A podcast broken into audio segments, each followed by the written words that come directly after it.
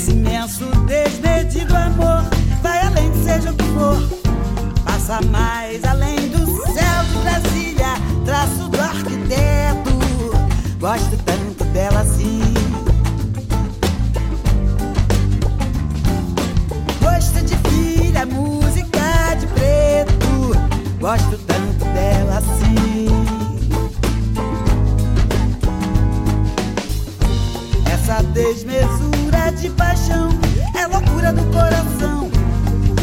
Voz do Iguaçu, Paulo Sul, meu azul, luz do sentimento nu. Este imenso desmedido amor vai além, seja o que for. Vai além de onde eu vou, do que sou, minha dor, minha linha de Equador. Mas é doce morrer nesse mar de lembrar e nunca esquecer. Se eu tivesse mais alma pra dar, eu daria. Isso pra mim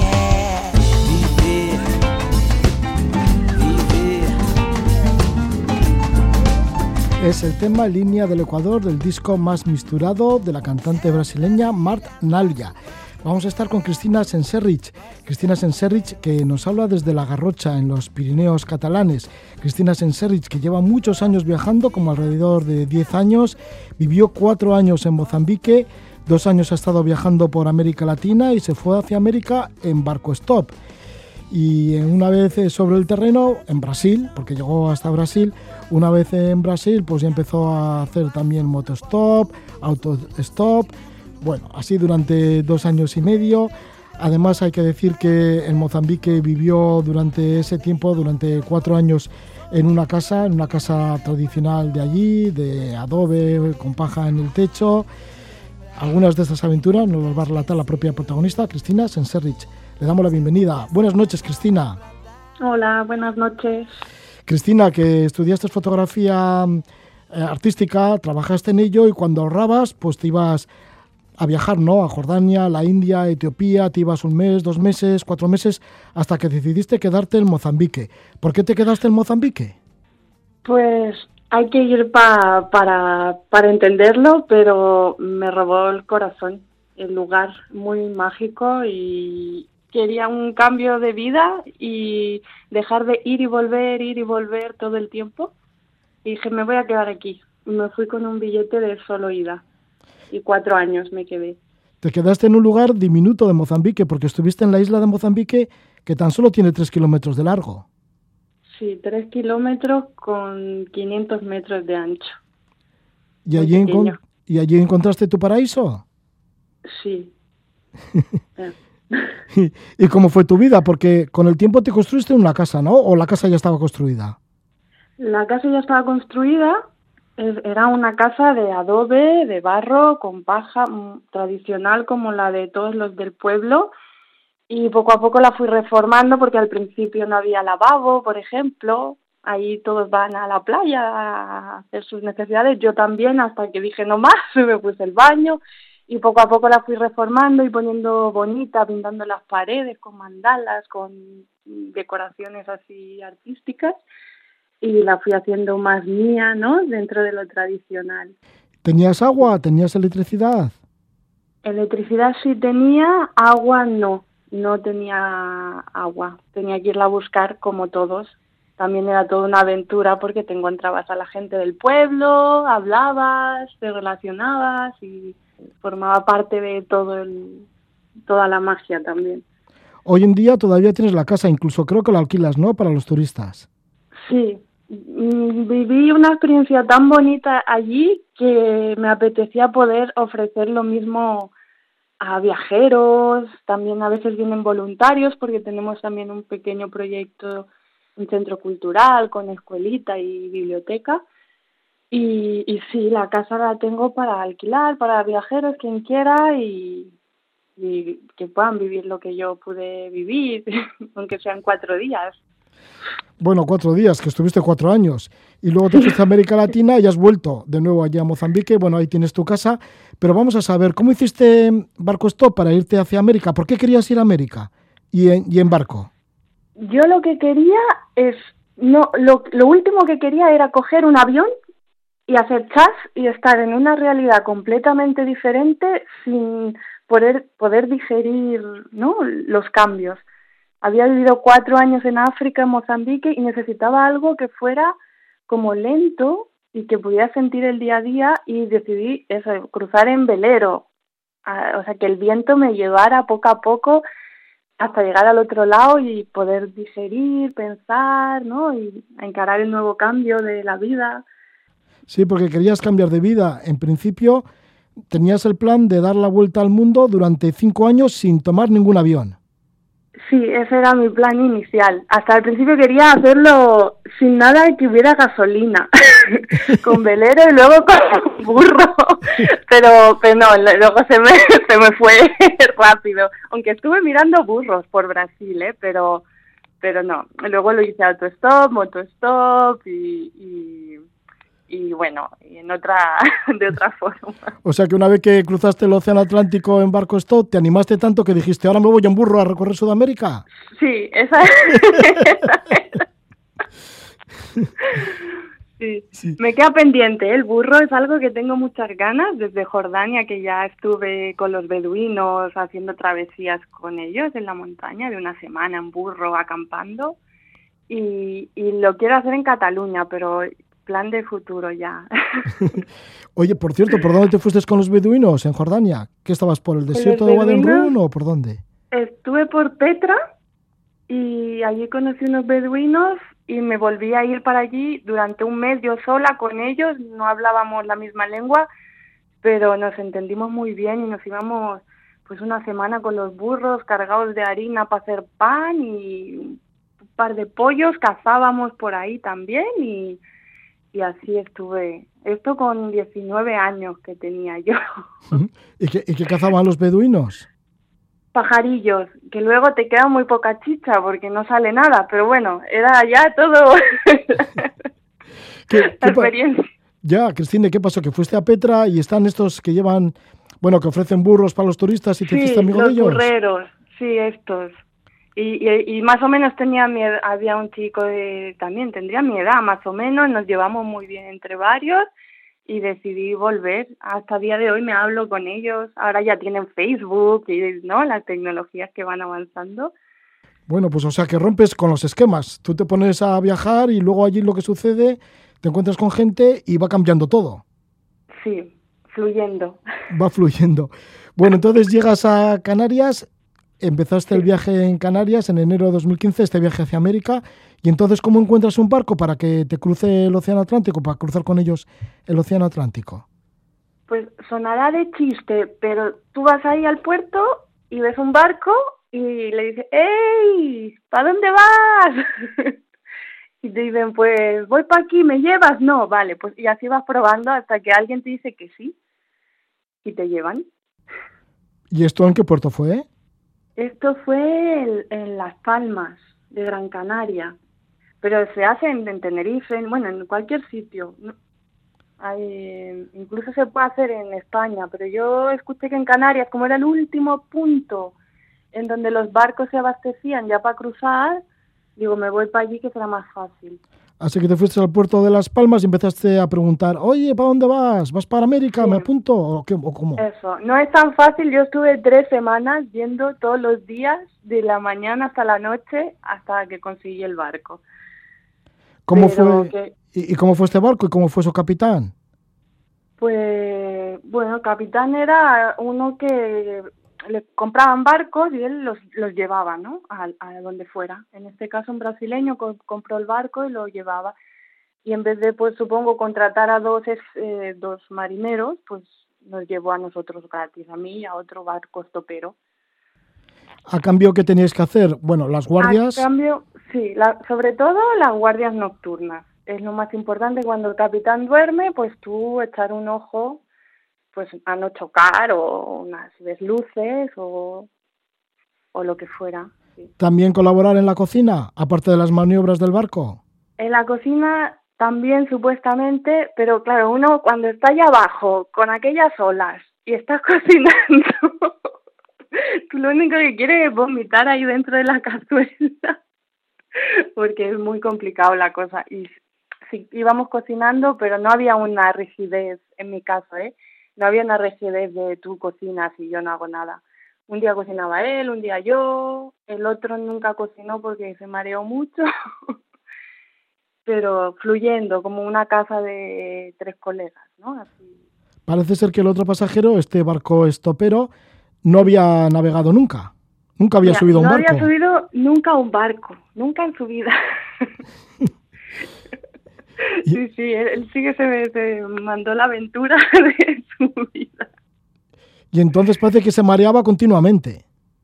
Sí, la primera semana todo, todo el rato, vomitando, sin comer, hasta que el, el capitán le dijo, tírate al mar. Tírate al mar y lo hizo saltar. Después de ese día, nunca más vomitó. Pero ¿cómo tírate al mar? ¿Y, lo tiró al mar, a ver, sin matarlo ni nada, eh, con el salvavidas para recogerlo luego, pero era en enero, hacía frío, no sé, el choque del frío, y no sé, le, refrescó la mente y, ya no vomitó más. Ya espabiló, ya se hizo un hombre de mar. Espabiló mucho.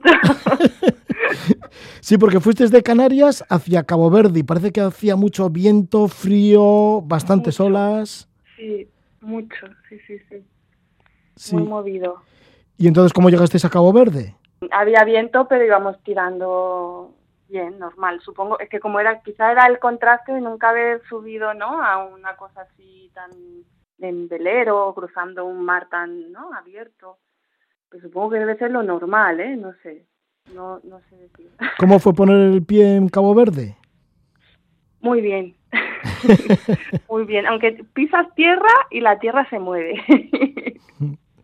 parece que estás en el mar, en la tierra. Te empiezas a marear cuando, cuando pisas tierra. Es, es curioso.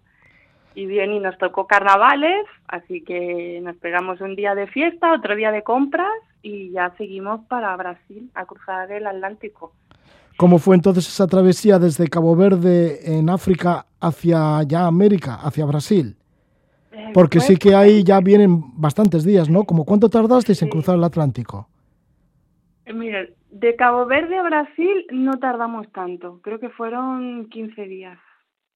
¿Y cómo pues fue esos 15 días en mitad del océano? 15 días, pues mm, potentillo, mucha ola, no puedes dormir porque se mueve. Además el barco era nuevo y todavía tenía el plástico, porque había que entregarlo como nuevo, tenía el plástico del colchón. Y nosotros íbamos con saco. Y tú imagínate dormir en un barco que se mueve dentro de un saco en un colchón con un plástico. O sea, íbamos del agua al agua así. no, es muy, sí, muy mm, adrenalínico y, no sé, potente, no sé. y mucho tiempo de, de, de, para pensar y para, ¿no? Que no, no hay nada más que el mar, los peces voladores y las estrellas cuando es de noche. ¿Qué es lo que leíais? Pues ahí teníamos el libro Las voces del desierto, que me lo leí dos veces, porque, claro, era lo único que tenía para entretenerme y me lo iba leyendo. Hasta leíamos capítulos, filosofábamos de cada capítulo, nos dio mucho de sí un solo libro. ¿Llegasteis a pasar tormentas? Tormentas, sí, pasamos alguna tormentilla. Lo que pasa es que, claro, en las películas como que te asustan un poco, ¿no? Cuando ves una película Las tormentas, luego, no sé, yo no la sentí tan, tan fuerte visualmente, ¿eh? Luego sí que había el peligro ahí de, de, de volcar, ¿eh? Que yo no me daba cuenta, pero sí. Sí, porque casi tuvisteis un naufragio, ¿no? Al colisionar con una isla próxima a Brasil. También, ese día me tocaba a mí la guardia. Y supuestamente, claro, el capitán pone la ruta, ¿no? Pone, marca la vela, como el viento, pone el, ángulo que vas y tú no tocas nada, el capitán lo ha marcado, tú solo miras no chocar. Y él me dijo, esta noche pasaremos por Fernando de Noroña a cinco millas. estate un poco alerta porque quizá hay pescadores. Pescadores, pero no islas a chocar. Y yo empecé a ver unas rocas pasando a un metro del barco y digo, pero a ver esto. Y miro el mapa de ruta y aquí vamos eh, recto a la isla chocar. Había cambiado el viento, se nos modificó la ruta entera y bueno, yo bajé para abajo, despertar el capitán, no se despertaba, lo desperté a hostias y, por cinco metros que no chocamos. ¿El capitán estaba tan dormido? Estaba profundamente dormidísimo. y le tuve que dar pero bofetadas en la cara porque digo, es que no sé ya, ¿qué le hago? o girar el barco o no. Y yo, yo de marinera no sabía nada antes de subir. Vaya tensión, que, que, te vas a chocar contra la isla y el capitán no se despierta, que está profundamente dormido. Vaya situación. Sí, pero se despertó, nos salvó, dio el volante, el, bueno, el timonazo y estamos en vida. sí, ahora nos lo está contando, menos mal. Bueno, inclusive, ¿tuvisteis algún ataque de, de, de un martín pescador? También, sí, pero dando golpes al, al, al barco, así, ¡pam! ¡pam! Una cosa pero que yo pensaba que íbamos a, se movía el barco y todo. Claro, el barco no era muy grande, tenía 11 metros. Era un barquito, pero un susto. Ni, ni tiburones ni nada. Los martines pescadores, hay que tener cuidado. ¿Pero por qué pegaba golpes? ¿Igual iba a buscar alimento en el barco? Creo, es que nosotros intentábamos pescar siempre y tirábamos el anzuelo. Y creo que pescamos a su mujer y este era el marido. Es lo que dijo el capitán, ¿eh? supuestamente. Y se enfadó por haber intentado pescar a su mujer y nos empezó a vestir. Ya, bueno, pues vaya cosas que os pasaban. Y, una vez que llegasteis a Fernando de Noroña, que es una isla que debe ser preciosa, que vienen los delfines a recibiros y demás, ¿fue así? Mm, mira, Fernando de Noroña, por, yo quería mucho parar, ¿eh? pero no paramos. Aparte que es algo un poco complicado, creo que hay que pedir permisos y pagar, no sé, 100 dólares al día, unas historias. Nosotros solo pasamos. Ojalá hubiéramos parado. Era mi sueño, pero bueno. Finalmente, ¿en dónde parasteis? ¿A dónde llegasteis de Brasil? Ah, en Llegamos Recife. a Recife, que está en el norte, hicimos el papeleo del barco y nuestro papeleo del visado, ¿no? Porque no llegas por un aeropuerto con el visado. Y luego bajamos toda la costa hasta Río de Janeiro. ¿Cómo fue esa travesía costeando por Brasil, por la costa brasileña? Unas vacaciones. no paramos ni un día, ¿eh? Pero como suave, ¿no? ¿no? No había casiolas, podías disfrutar, podías cocinar a gusto. Además pasé mi cumpleaños en el mar, hice un guacamole, bueno, muy, muy suave en comparación al otro. Así que la vida en la mar ya se convirtió en algo más allá de las pesadillas que igual teníais, ¿no? Sí, sí, ya empezamos, como yo ya no quiero bajar de este barco, ya me está gustando. ¿Y en dónde bajaste? Eh, bueno, Recife y luego finalmente en Río de Janeiro. En Río de Janeiro, sí. Paramos en el Yate Club Río de Janeiro. Ayudamos a limpiar el barco, que era también parte de nuestro trato, y ya empezamos de mochileo, autostop y aventura. Y aventura, y una de las cosas que solías utilizar para mm, establecerte en Sudamérica era las ecoaldeas, porque estuviste en varios ecoaldeas. Sí, Sí, fue un descubrimiento porque yo no sabía ni que existían, pero fue descubrir la primera y me fueron llegando proyectos así de cualdeas, una cualdea Majipi, otra cualdea Hare Krishna, luego me fui a aldeas indígenas también en la selva, a aldeas familiares tipo haciendas, bueno, empecé a moverme un poco así, haciendo voluntariados también. Así que ha sido un viaje en autostop y luego empleaste el barco, el autostop también y la motostop.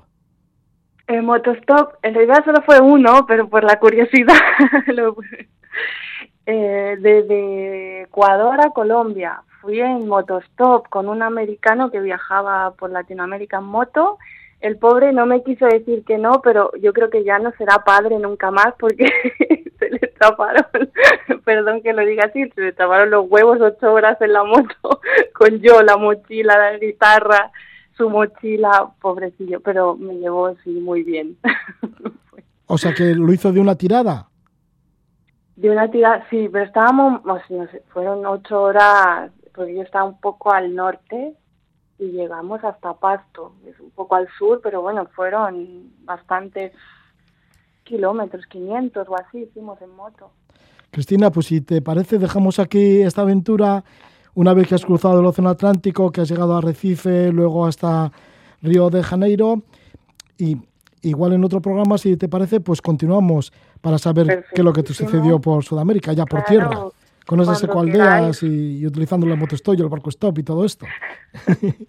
Perfectísimo y que pueda inspirar a más gente que tenga ganas de viajar. Cristina, tienes tu propio blog, ¿no? ¿Qué es Viajando con Cristina? Viajandoconcristina.com. Y luego tus fotografías se pueden ver en fotografiasinfronteras.com. Sí. Eso es. Eso mismo.